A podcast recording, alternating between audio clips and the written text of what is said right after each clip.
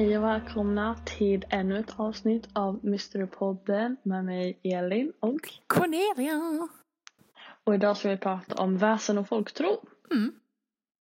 Spännande. Men jag tycker att du får börja Cornelia för du har ju ändå tre väsen, eller vad man säger. Som du ska ta upp och jag har bara två. Ja. Jag trodde jag skulle ha fett mycket fler. Jag bara, jag ska ha de här, de här, de här. Men tiden han räckte inte riktigt till. Men det, men det indikerar ju bara till att vi måste göra en del två. ja men gud, man skulle kunna göra hur många delar som helst. Alltså, det fanns hur många som- intressanta som helst. Så om vi märker att det är uppskattat så blir det absolut en del två. Ja absolut, alltså det är ju alltså, jag, jag, jag tycker, Ja, jag, jag tycker, jag, på tycker det är så två. intressant. Jag med. Det är så här, jag kan ha en djup konversation om bara folktro och så här väsen och myter och sånt. Ja men precis. Så att, eh, men då sätter vi igång då. Varsågod. Ja, ja jag tänkte ju prata om tomtar. Spännande. jag, jag tycker det är så intressant. Nej men, eh, ja. Det första man tänker på när man hör ordet tomte, i alla fall jag, kopplar det till jultomten. Ja men samma här.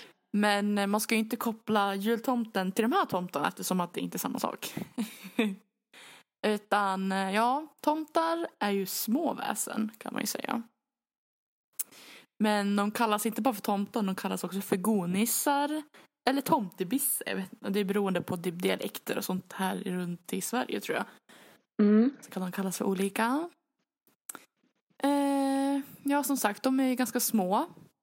Vissa menar att de inte är högre än en decimeter. Medan andra säger att de är ungefär eh, lika långa som på barn när de är mellan 3 till 7 år gamla.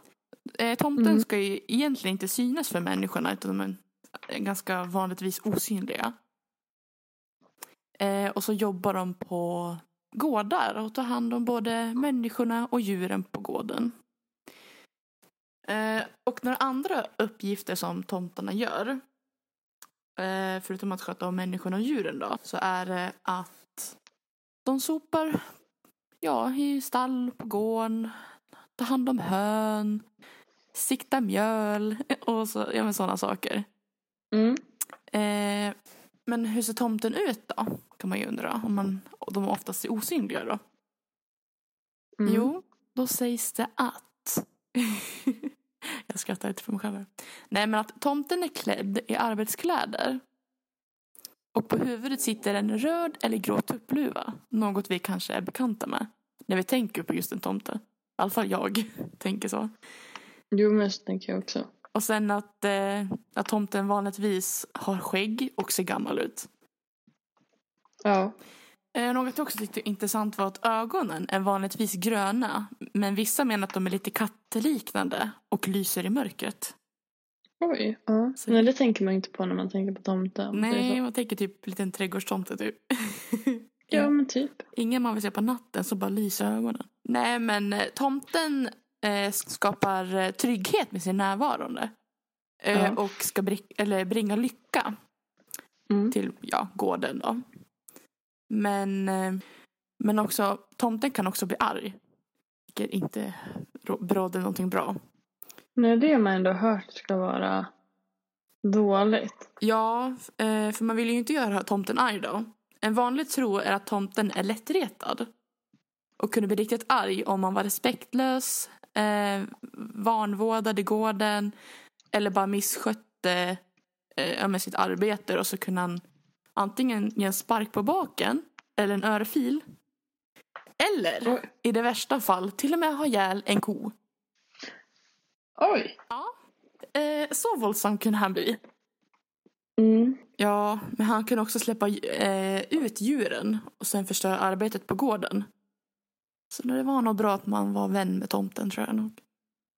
Ja jag menar det betyder ganska mycket förr i tiden hur Alltså det där med jordbruket och det. Ja, och han var ju också, tyckte ju inte om det här moderna heller. Typ som maskiner och teknologi. Mm. Så det var väl därför också det är mer vanligt att man såg honom förr. Men man kan också belöna tomten med en skål gröt.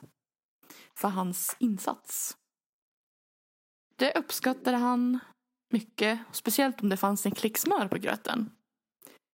Och sen, Mm. Jag fick också höra att eh, om en tomte hittade sin skål med gröt utan ens klick smör på gröten. Vet du vad han kunde göra då? Nej, vadå? Han kunde ha ihjäl en ko Nej, då också. vilken drama queen. Jag vet. Nej, och sen... Eh, jag vet inte om det här hade hänt eller om det här är som en... en man tror eller någonting så här, en sägen typ. Mm. Är att eh, det var på en gård som eh, tomten hade arbetat på så hade... Ja, hade den där... eh, Eller någon, antingen husmor eller husbonde eller vad man säger. Han hade ställt fram en skål med gröt. Men så hade smöret liksom jag vet inte om den hade smält ner och hamnat underst i skålen. Mm. Så hade tomten blivit arg. Och hade då ja, haft ihjäl en ko.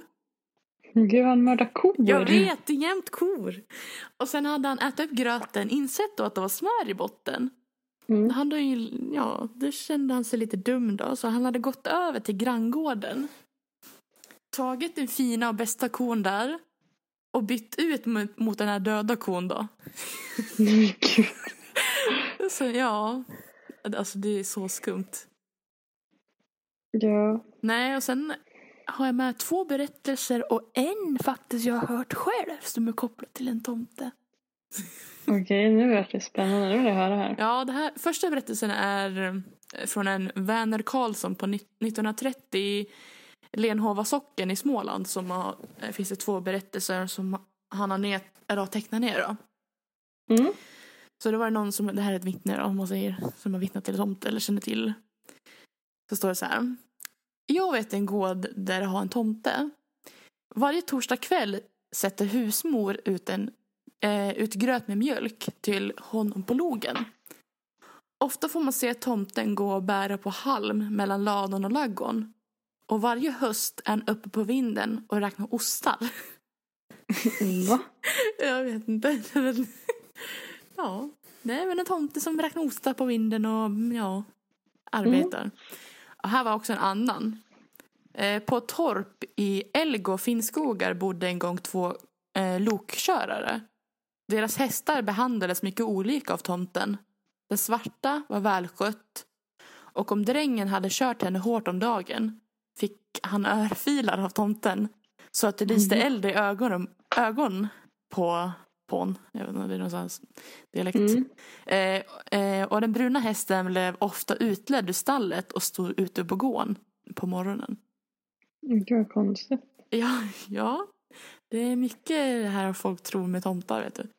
Mm. Men här är den faktiskt en jag har hört själv. Mamma fick till och med eh, uppdatt, eller vad heter hon? Jo. Hon berättade om den för mig för jag tror jag hade misstolkat lite vem den här kompisen var till henne. Mm. Ja, men i alla fall, den här storyn då, när jag ska berättelsen då. Eh, så har hon en gård där hon har två hästar. Ja. Och så sköter hon hästarna ensamma då. Mm. Och sen en vecka för ett par år sedan eh, så var hon och hennes dotter sjuk. Eh, så de vart liksom, ja men sängliggande, orkade inte gå ut liksom. Mm. Och så hade hon, trodde hon att grannen visste att, de var sjuka. Så att de, ja så att då, då trodde hon att de kanske skulle ta hand om hästarna då.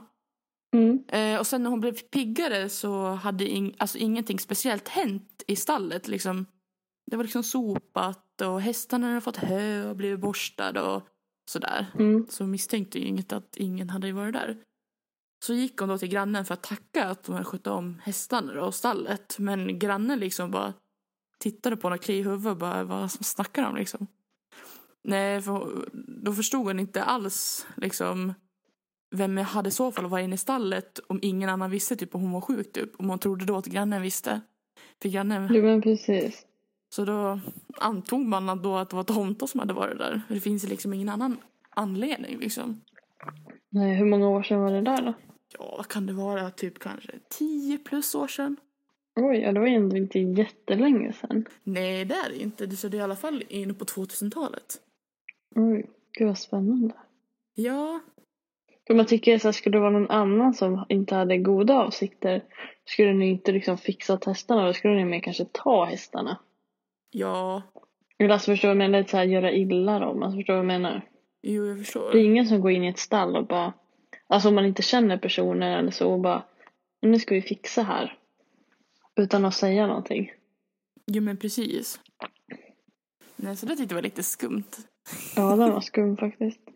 Ja. Det var tomtar det. Ja, då går vi från tomtar till mylingar. Ja.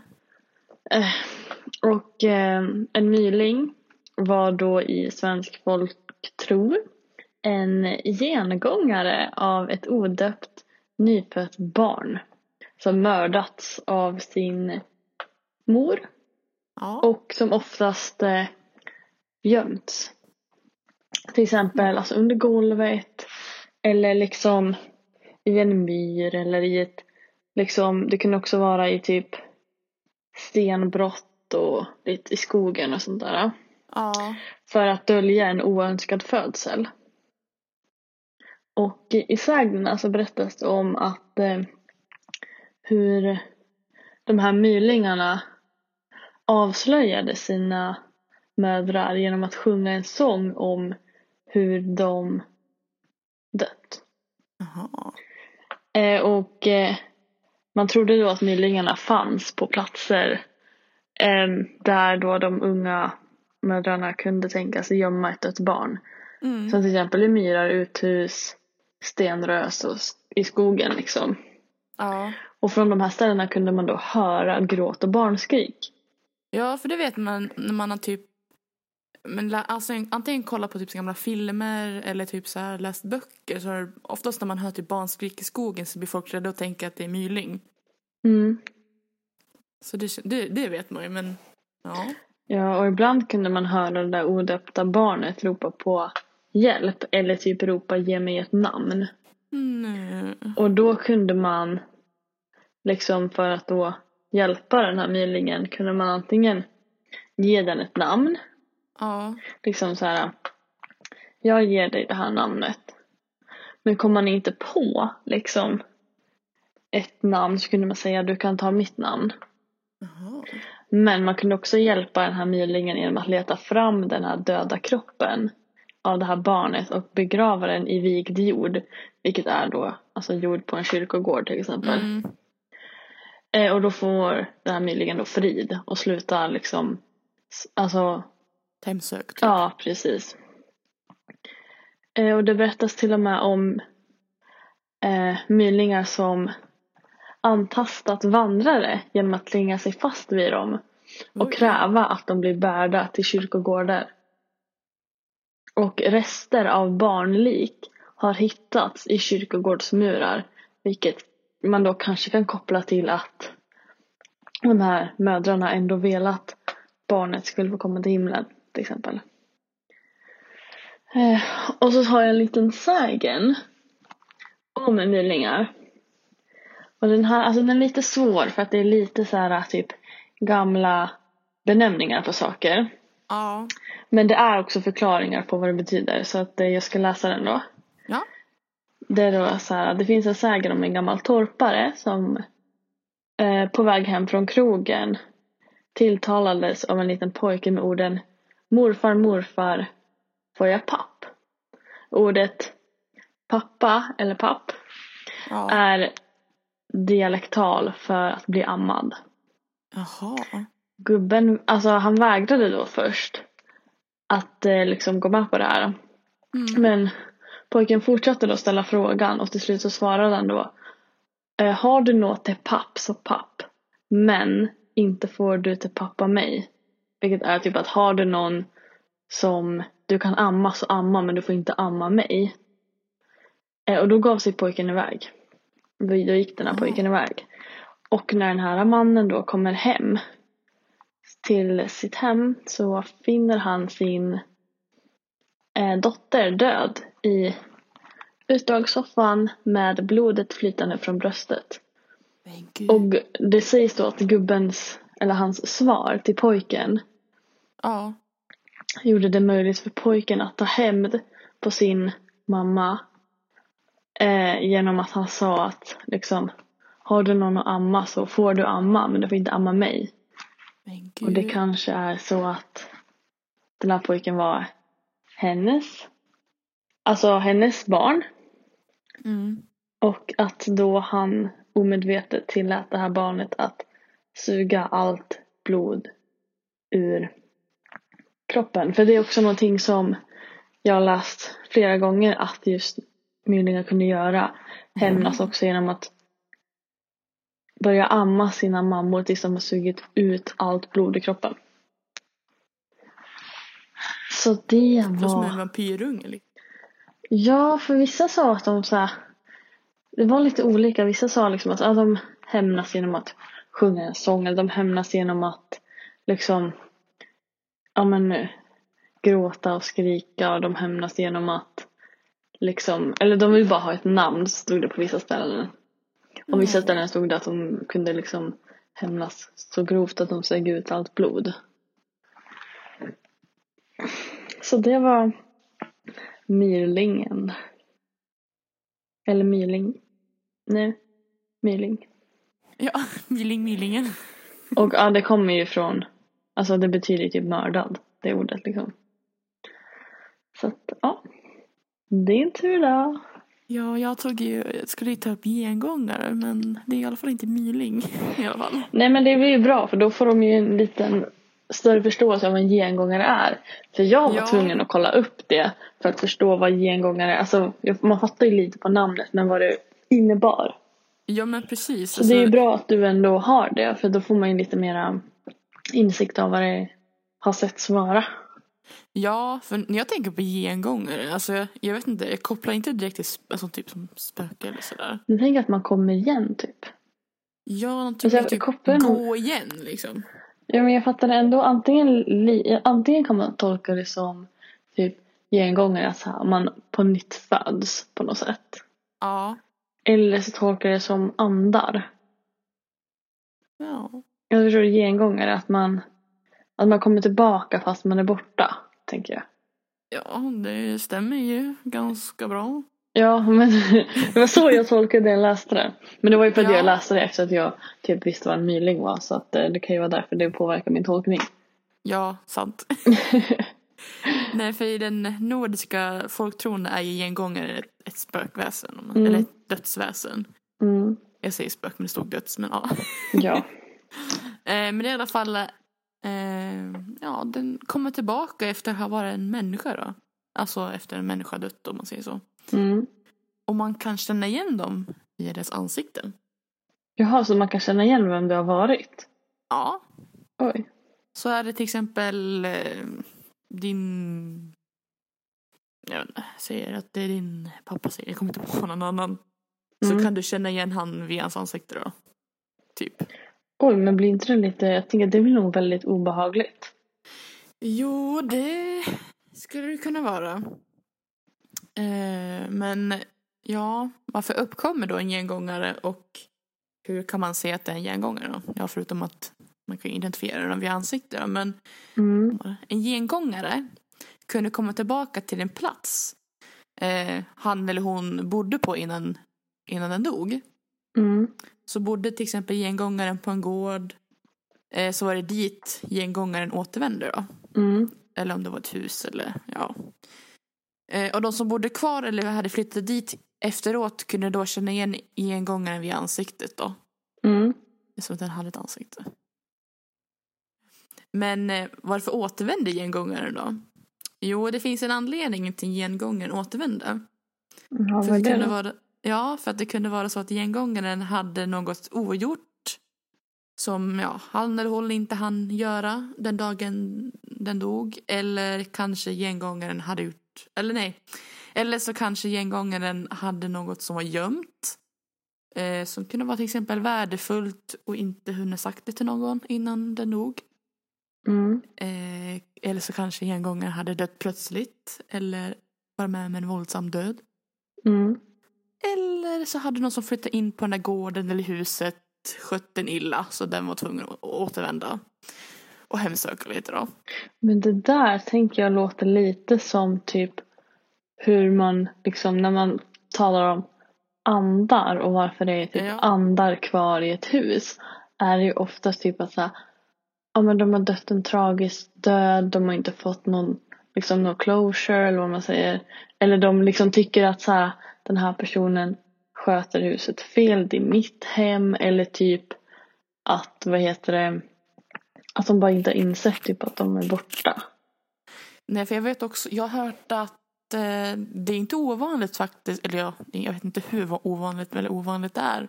Men att eh, offer som eh, ja, men till, alltså mördare har kommit tillbaka och liksom hemsökt eh, av sina mördare. Om man Mm. säger så. Jag vet, för jag vet, jag, jag vet inte, jag kom, jag kom in på det för typ jättelänge sedan men eh, det var en story om att det var en, på någon fest så hade någon kille sagt åt en tjej att de skulle kolla på någonting i någon källare typ så hade han knuffat ner henne i källaren Mm. och hon hade dött och sen hade han typ stängt in så ingen visste var hon var. Mm. Eh, och efter hon dog så hade hon kommit om nätterna och typ hemsökt för han. Då Mm. till slut så liksom, han kunde inte vara tyst om det där. Så han anmälde sig själv och de hittade kroppen och sen slutade hon att hemsöka honom. Mm. Så vem vet, hon kanske också var en gengångare liksom. Eller som Ja, säger här då, gengångare, spöke, det är typ samma sak. Vålnad räknas också in som gengångare så mycket är typ samma. Eh, men, ja. Eh, hur kunde man känna att en gengångare var nära då? Jo, de kunde ju göra en del besvär för de människor som ledde vidare. Så som att göra massa märkliga ljud. Eh, ett rum kunde bli kyligare eller helt enkelt så kunde det börja, börja blåsa från ingenstans. Det låter ganska bekant. Ja, verkligen. När man tänker på så knackningar. Ibland om man hör fotsteg och inte ser någon. Eller typ röster. Alltså. Ja, det har man ju varit med om.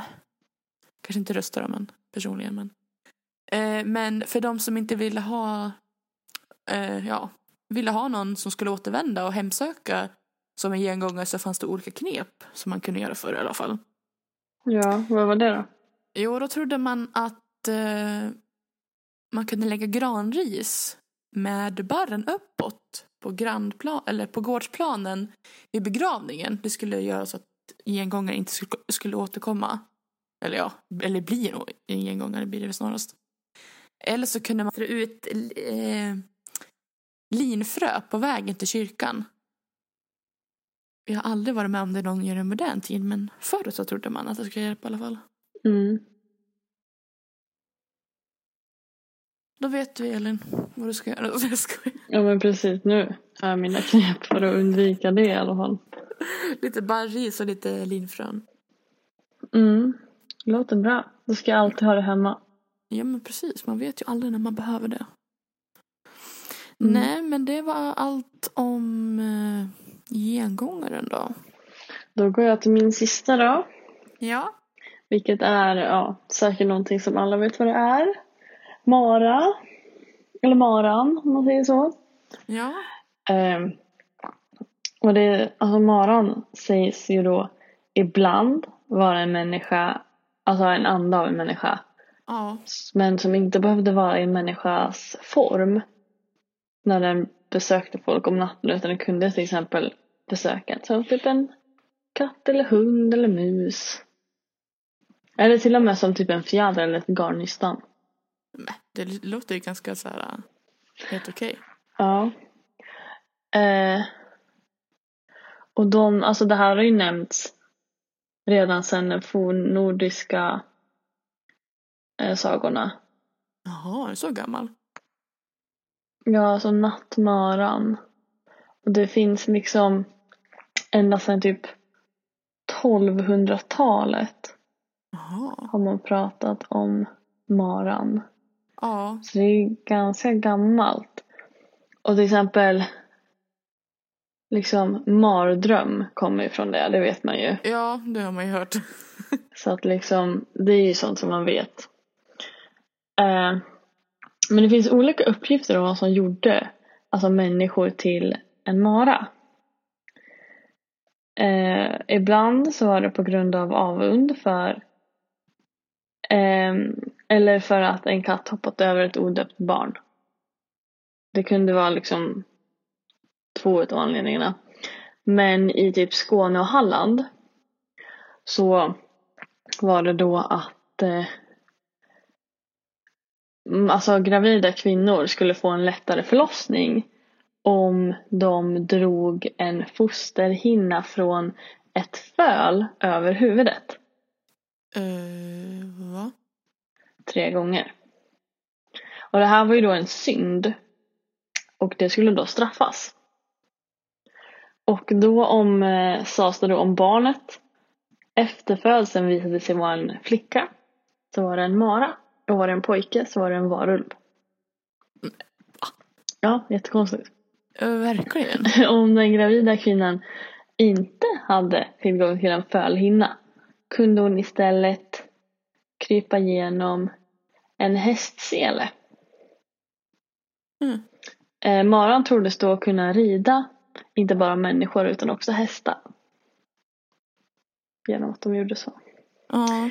Och i Västerbotten så trodde man att eh, om födseln ägde rum alltså mellan typ 12 och 1 på natten så blev flickan en mara. Nej. Ja, det är så här jättegott. Det skulle ju typ de flesta vara maror. Och när en alltså till mara förtrollad flicka, eller så när det här flickebarnet som blivit mara sov så sägs det att hon intog marans skepnad och gav sig ut i natten för att hemsöka. Och i Norden tänkte man sig att eh, maran är alltså en kvinna som smyger sig in i sovrummet genom alltså nyckelhål, alltså minsta lilla springa. Och så sätter sig över ja, en sovande mans bröst oftast. Ja. Eh, som gör då att den här mannen eller personen då blir förlamad och inte kan röra sig. Det här när jag läste tänker jag låter väldigt mycket som typ sömnparalys. Ja. Ja, så jag undrar om det kanske kommer lite från att folk hade det. Alltså att det kanske har mycket med att det var det de hade. Men så här, alltså förr så sades det att maran kunde inte ta sig upp i sängen ja. om hon inte först klev i ens skor. Mhm. Så att förut så sades det att man skulle ställa sina skor med tåspetsarna uppåt under sängen. Så att de inte skulle kunna kliva i skorna och komma Ja. upp i sängen. Alltså en mara kunde ju också sätta sig på ett träd i skogen. Uh. Och det visade sig då genom att trädet stannade i växten och att grenarna tovade ihop sig. Så något som kallades typ eh, ja, mar, markvist till exempel. Ja, aldrig hört. Hur bedrev man då, alltså maran? Hur man, blev man av med den? Mm. Jo, eh, man kan befria en person från maran genom att eh, tvinga maran till skogen. Man tar då en gren från ett träd med en marakvist Ja. eller en bräda man sågat ur, ur ett fält sådant träd. Och lägger detta i sängen hos den sovande och då ska då maran flytta till den där kvisten eller till den där äh, träbiten. Mm. Och den som sover får då ro. Åh. Så det var inte svårare än så att bli av med maran. Då Nej. måste man hitta en marakvist. Ja.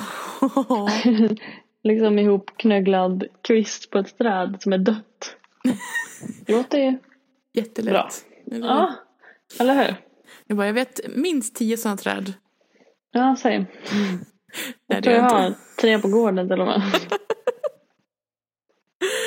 Ah, jag dör.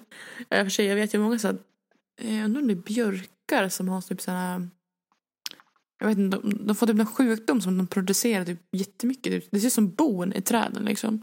Mm, men precis. Man har sett sådana. Man får ta en sån och låtsas hoppas på det bästa. Då. Undrar om det är typ det de trodde var liksom marakvistar.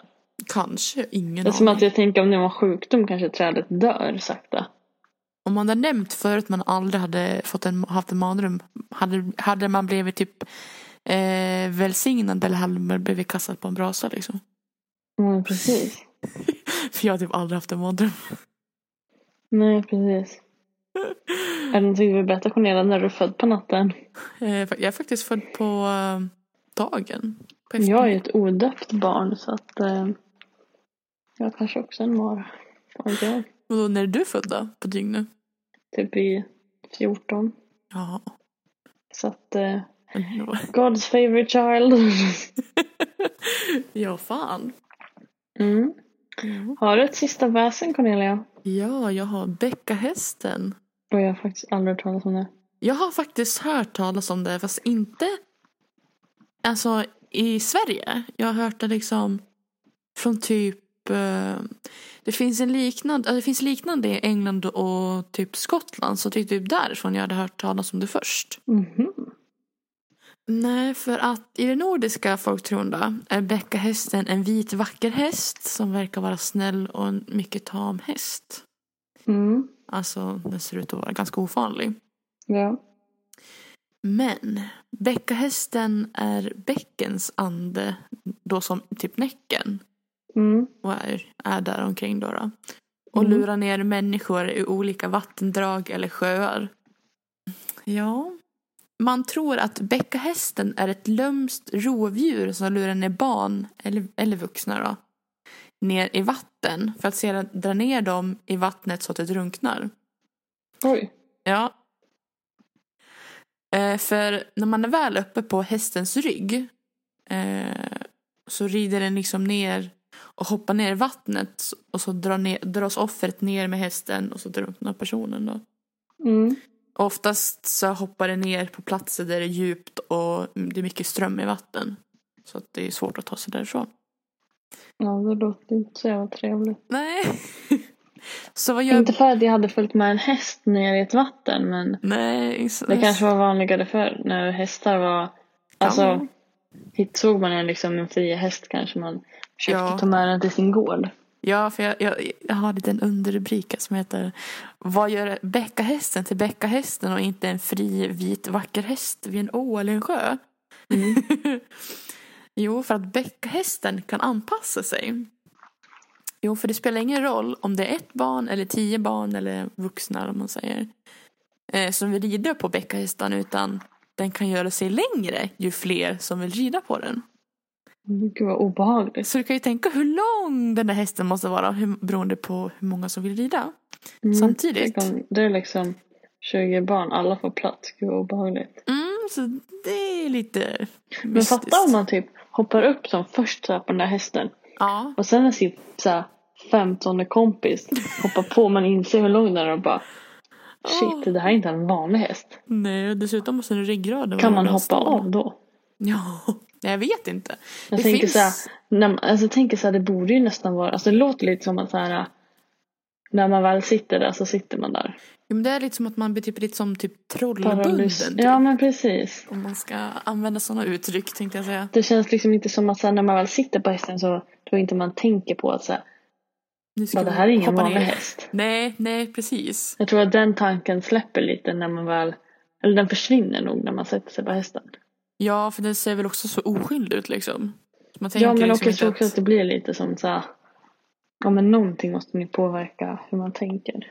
Ja, för um, många kanske tänker då, hur kan man skydda sig mot den då? Kanske du Mm. tänker då, nu när du Ja har nu sett din vita häst. veta. Nej men om man har hästen framför sig Mm. eh, och inte vet om det är bäckahästen eller en vit häst då, en vanlig då, så kan man se det på tänderna eftersom att bäckahästen har tydligen sylvassa tänder. Och det har ju inte en vanlig liten polle.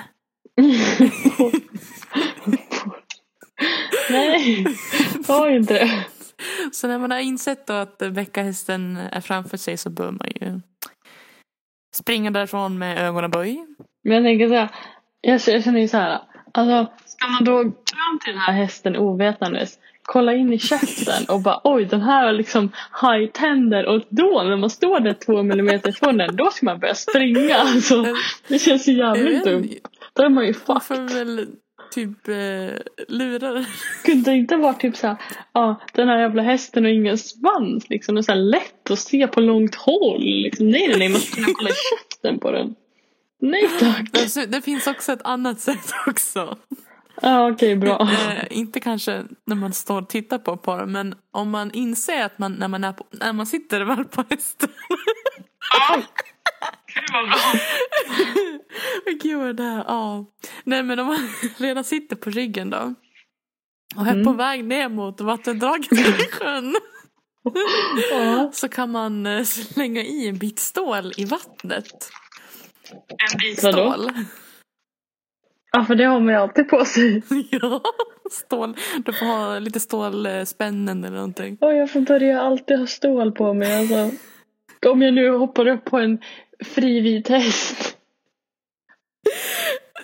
ja. Om du skulle ha det här då, då kan du slänga i det i vattnet. För då bryts eh, makten mellan bäckahästen och eh, ja, vattnet. Då, så då kan du väl tydligen hoppa av.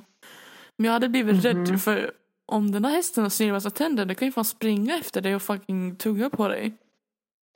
Du den kan ju fucking tugga på dig i vattnet. Det också.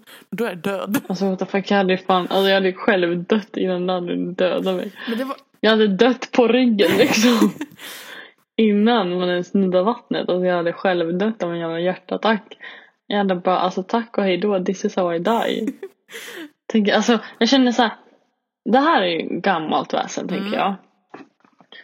Hur vanligt var det att man gick runt med stål i fickorna liksom? ja men jag tänker så här, ähm, ja jag vet inte när stål kom. Alltså fattar du vad jag menar? Men jag Stål. vet en, en sak som är ganska bra mot vä- alltså, olika väsen. Till exempel Mm. troll och sånt. Är järn har jag hört. Ja, jag ska typ skaffa någon sån här, någon liten liten grej järn. Nej, men alltså någon liten järnring, alltså inte en fingerring utan typ bara någon, någon ring eller typ ett järnarmband, alltså som man alltid kan ha på sig. Ja, du får vara både så här, du ska kunna loss, plocka bort det så här, silver, eh, järn, stål, allt sånt där liksom. Mm. Så kan du slänga på olika så väsen om du skulle råka möta på dem. Ja, jag är ute och vandrar i skogen och bara oj, nu kommer jag till trollskogen. Ja, men alltså skog, alltså jag vet inte hur rädd jag är för att gå i skogen själv alltså. Same! Alltså jag vet inte om jag ska möta på typ en vett eller om jag ska möta på en björn. Alltså jag, jag vet inte. Ja, men typ, eller, alltså just det, djur och inte djur. Ja, Om, jag känner mig Mm. alltid iakttagen i skogen. same! Oh my god. Du, vi, vi ska vara hos min farsa någon gång så ska vi gå över Du motorvägen. bro, jag har varit hos din farsa.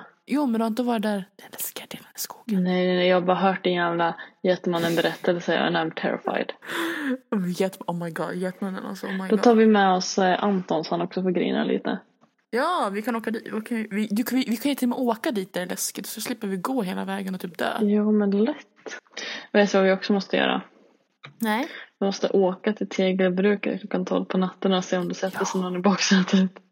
Ja. Men du, du, du när, jag tänker, när jag tänker ut nu. Ja. Den där kvinnan som står vid vägen, hon måste ju vara en gengångare. Ja, En så kallad vålnad. precis. Och, så, och det här barnskriket man hör kanske från de ungarna, det kanske är Det är Milo. my- Ja! Makes sense. Oh my god, ja! Alltså inte jag som att det bra men alltså jag hade inte ens tänkt på. Nej, inte jag heller förrän nu. Alltså, Vad makes sense. Nej men alltså, ja. Mm. Men så tänker jag också, oj, jag slängde, slängde ner min telefon på golvet. Nej men eh, det jag tänker också är typ så här. Eh, vissa så här folktron har ju också en varnande liksom typ, e- jag ska säga, kalla egenskaper om man ska säga. Ja. Alltså det, så, som jag brukar tänka på Näcken. Mm. Eh, visst, jag har både hört att folk har sett Näcken eller någonting liknande. Men också liksom att hålla barn borta från vatten. Jo men precis. För att de kan ju lättare drunkna liksom. Ja. Man blir lite såhär, alltså man vet ju inte. Nej. Detsamma jag känner lite kring det här med tomtar.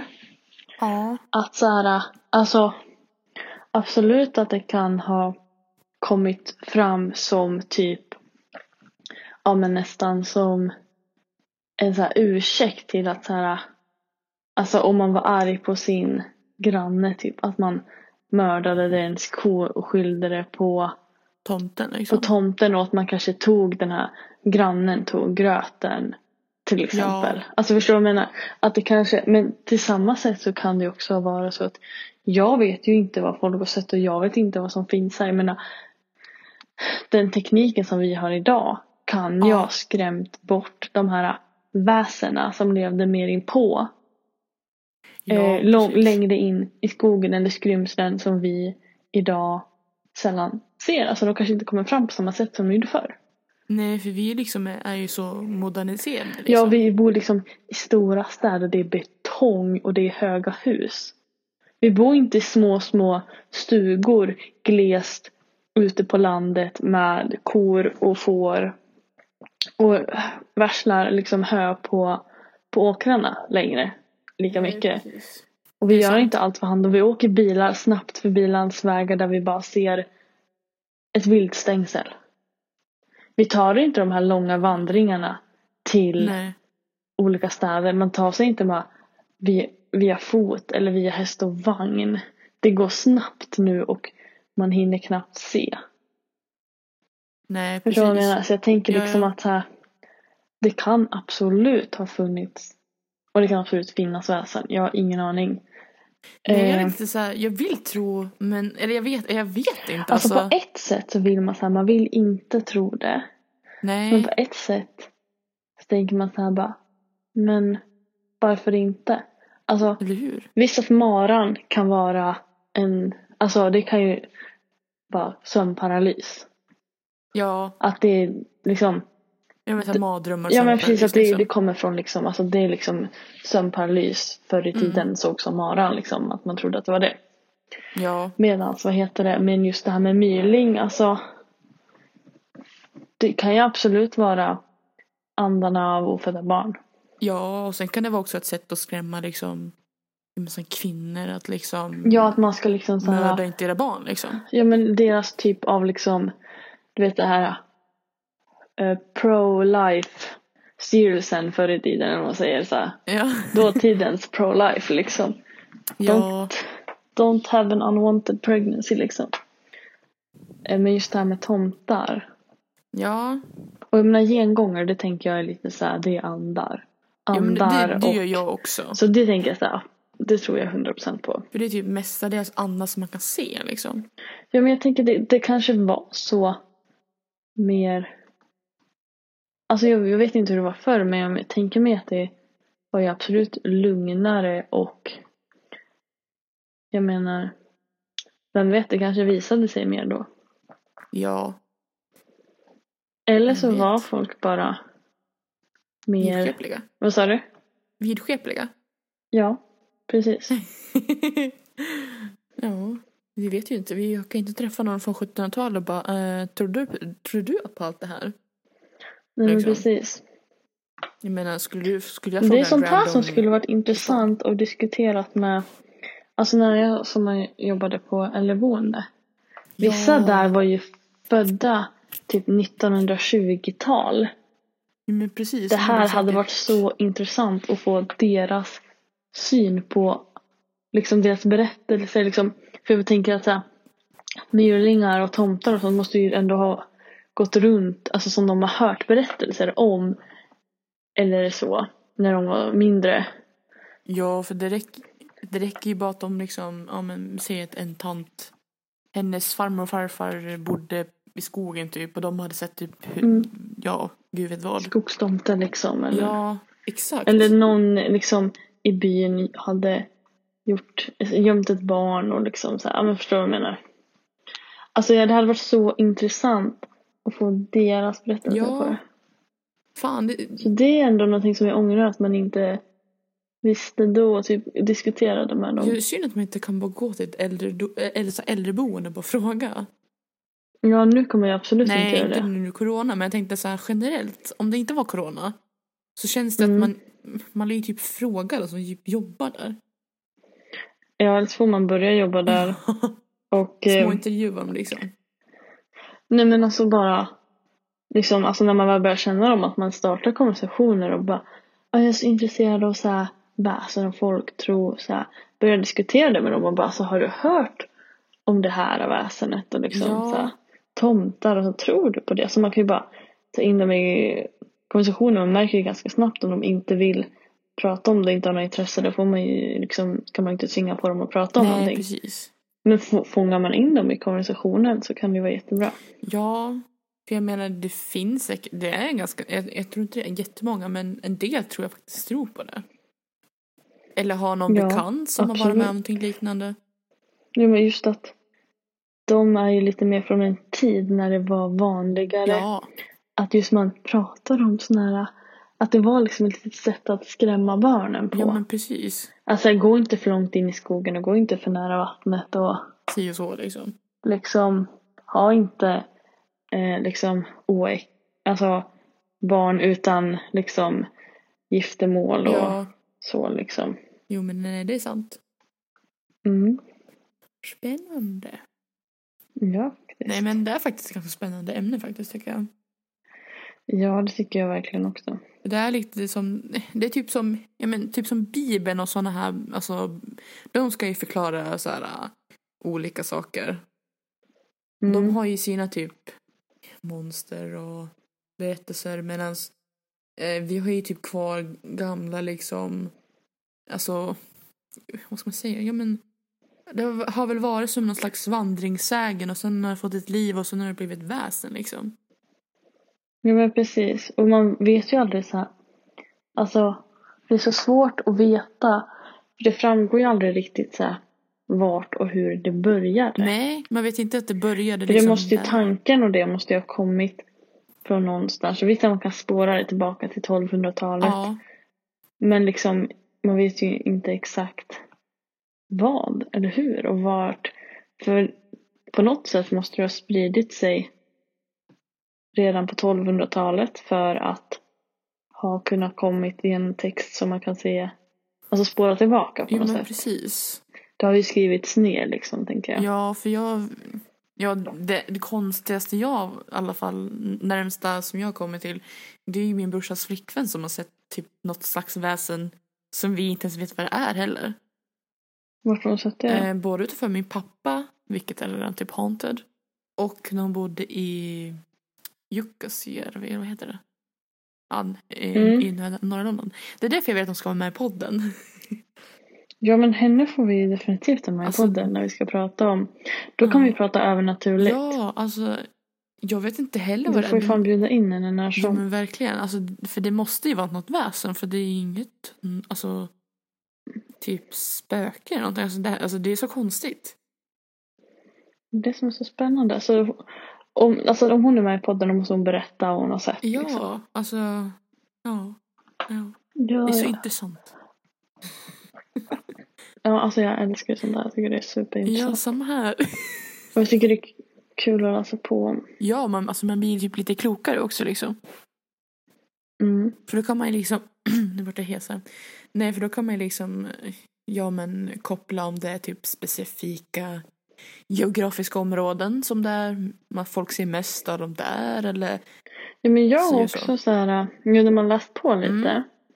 Så beroende på vart i landet eller till exempel att den skiljer sig från Sverige och Norge till Ja. exempel. Så kan det vara typ liknande typ av väsen fast till exempel det här skogsrået. ja, Till exempel någonstans i Sverige så var det så här, ja. Den var liksom vacker från framsidan men på baksidan var den ihålig. ja, Som ett träd typ. ja för Det var så man kunde se och i en annan del av Sverige, eller om det var Norge, ja, så hade den en svans. jaha. Liksom. Gud, när, Typ när du pratade om skogsrået fick jag en flashback till när eh, SR på, på radioapan, kommer du ihåg det? Mm. Så hade de spel Mm. och så vet jag att det fanns en, ja den är ju borttagen så många tillbaka, men man kunde kolla lite, de hade några väsen.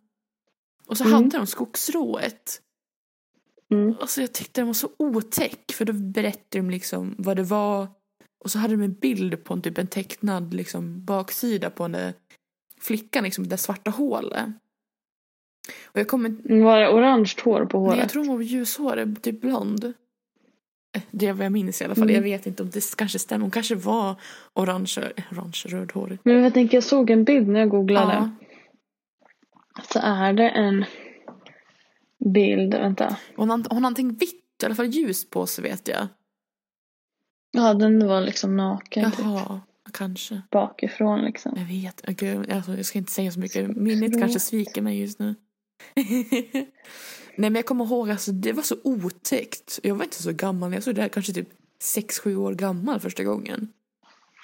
Alltså, Ja. ja. tänka att man bodde vid en skog liksom. Man bara, mm. Men det blir ju också så här just när man ska gå i skogen och Det blir obehagligt. Ja, alltså jag... Alltså jag kan inte ens gå i en gruva utan att tro att i varje hål så finns ett spöke för något som typ kommer komma upp liksom.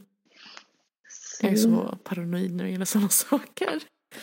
Speciellt när jag fått reda på att ja, det typ finns en bergsfru här eller det finns spöken där. Och man bara ja. Oh. Kommer de att ta mig känner jag det första jag tänker på. Gud vad rädd jag blev. Fan jag kommer på fan. Eh, gruvfrun det är ju också ett väsen. Ja, just Det hade jag glömt för nu när jag nämnde det. Liksom antingen ett skyddande eller liksom ett. Ja, ett väsen som kunde döda en.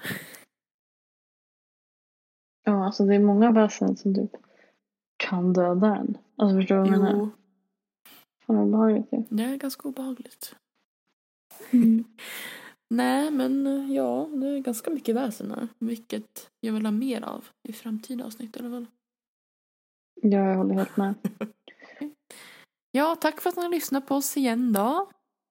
Nej, så hej då från oss då. Mm, så ses vi i nästa avsnitt. Hej då. Hej då!